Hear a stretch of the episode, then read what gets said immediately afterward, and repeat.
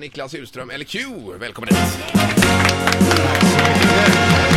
Tackar, tackar. Det är det. Eh, just eh, artistnamnet Q, var, eh, var kom det ifrån? Ja, alltihop startade ju med en, eh, ett samarbete kring en tv-serie. Jag hade ju jobbat tillsammans med Anders Melander förut och så när han skulle skriva musiken till Glappet Ja. så hade regissören Peter Schilt och eh, dramatikern Tina Erström kommit fram till ett, ett namn som den här idolen för de här tjejerna skulle heta och det var något jättekonstigt. Så att Anders Melander han satte sig en natt och skrev ner en lista och sa att Peter och Tina, han kan inte heta det där, ni får välja någonting på den här listan. Okej. Och då fanns Q med där. All right. Så att de eh, högg på Q. Och det är ju alltså en, eh, nästan en diskjockeyterm va? Där man alltså cuear upp en låt säger man ju. Ja, Eh, det finns används inom, eh, när jag filmar till exempel, Ja. så eh, när jag ska komma in i rummet, så din Q. Q är den repliken. Ja, så kan det också. Ja, det är klart. Ja. Så att man är liksom, man är rätt kan man säga. Q-cards. Hela tiden. Och Anders Melander, det är tidigare Nationalteatern på honom va? Ja, precis. Nu har vi gått skilda vägar. Från den förra plattan så är det här mer, och mer, mer eller mindre ett soloprojekt. Sen tar jag ju hjälp av folk så. Ja, och det går i vågor för du gör ju massa annat. Du är ju skådespelare och regissör och så vidare. Och så eh, helt plötsligt så får du lite inspiration och så kör du Q då en stund. Ja, det är nog snarare precis tvärtom. Att Alltså? jag, jag skriver lite hela tiden. Ja. Men jag är ju så otroligt långsam.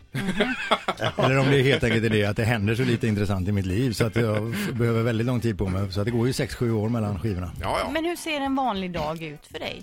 Eller finns det några vanliga dagar? Ja, alltså det vanligaste är ju faktiskt att jag går till teatern och jobbar. Det är ju där som jag har min dagliga... Sådär, men sen eh, när det blir lediga stunder så, så sätter man sig med gitarren och man funderar. Och, Och kör ja ja, det handlar ju väldigt mycket om att hitta tillfällen i livet när man känner att nu måste jag formulera mig.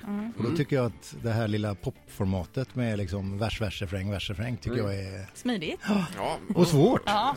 Både smidigt och svårt. Men är, det, är det skönt som en typ av ventil också? Absolut. Att ha skrivandet? Och, Ja, absolut. Eh, du fick ju ett jättegenombrott med Burning där när det begav sig. Vilket år var det nu? Var det 2000? Nej, Nej. om det ändå var så väl. När var det? då? 1900. var det förra årtusendet? År, förra årtusendet pratar vi. Var det det? Ja, 96 var det. Var det 96? Herregud. Oj! Jag fick Grammis 97 för den. Ja, just det. Tiden går Eh, fort. Kommer du, ihåg förra, för, Ja, ursäkta. kommer du ihåg förra gången vi, du var här och hälsade på? Ja. Och vi, eh, vi drog upp den här burnen och eh, just hur, Ja, det är lätt hänt att folk gör det. Jag vet och, och inte hur du varför. hade fått den här rösten då. ja.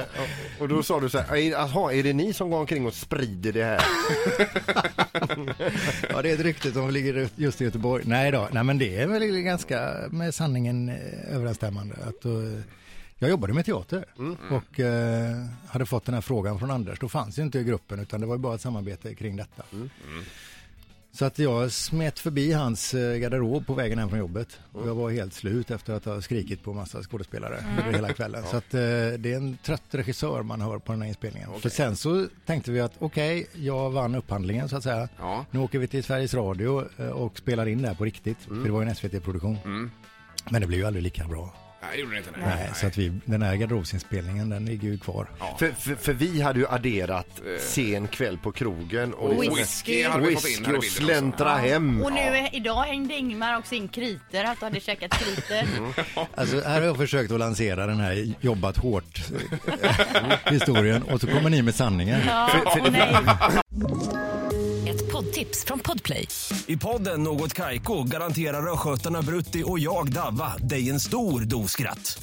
Där följer jag pladask för köttätandet igen. Man är lite som en jävla vampyr. Man har fått lite blodsmak och då måste man ha mer. Udda spaningar, fängslande anekdoter och en och annan arg rant. Jag måste ha mitt kaffe på morgonen för annars är jag ingen trevlig människa. Då är du ingen trevlig människa, punkt. Något Kaiko, hör du på Podplay. Därför är gardinerna.